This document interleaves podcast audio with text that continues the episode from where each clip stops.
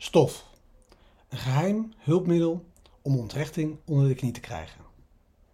Boek. De tools van Barry Mitchells en Phil Stutz.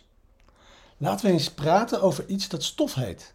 Het is een geheime tool die ik onlangs via mijn coach geleerd heeft, die het weer van Phil Stutz heeft geleerd. De basiscontext is als volgt. Herinner je Apollo, onze beschermgod van de filosofie nog? Hij was een boogschutter. Net als hij hebben we een duidelijk doel nodig waarop we onze levenskracht richten. We gaan er volledig in om ons doel te halen en, enigszins paradoxaal genoeg, zijn we er tegelijkertijd niet aangehecht om het te halen. We concentreren ons op het verstandig kiezen van ons doel en op het recht schieten van de pijl. Vervolgens laten we deze gehechtheid aan resultaten los. Dat is natuurlijk makkelijker gezegd dan gedaan. Deze tool helpt ons om die volledige betrokkenheid maar ongehechte focus onder de knie te krijgen. Hier komt hij. Stel je voor dat je naar een filmpremière in Hollywood gaat. Je bent op de rode loper, je baant je een weg naar de felle lichten waar je poseert en je laat een foto van je nemen. Gefeliciteerd, je hebt het gehaald. Iedereen houdt van je. Je bent een ster. Maar stel je nu voor dat je midden in niemandsland naar een oud, vervallen huis gaat het is verlaten voor wie weet hoe lang. Je baant je een weg naar de zolder. Het is bedekt met centimeters stof.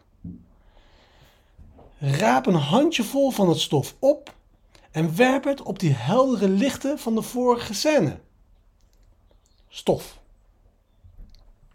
Maar waarom zouden we die tool willen gebruiken? Nou, een van onze grootste uitdagingen is te denken dat iets buiten ons ooit ons een bepaald gevoel kan geven. Nou, goed opletten, dit is een hele belangrijke. Nou, een van onze grootste uitdagingen is, is dat we denken dat iets buiten ons ooit ons een bepaald gevoel kan geven. Die felle lichten, ze, symboliseren, ze symboliseren iets dat buiten jou, waar je verslaafd aan bent.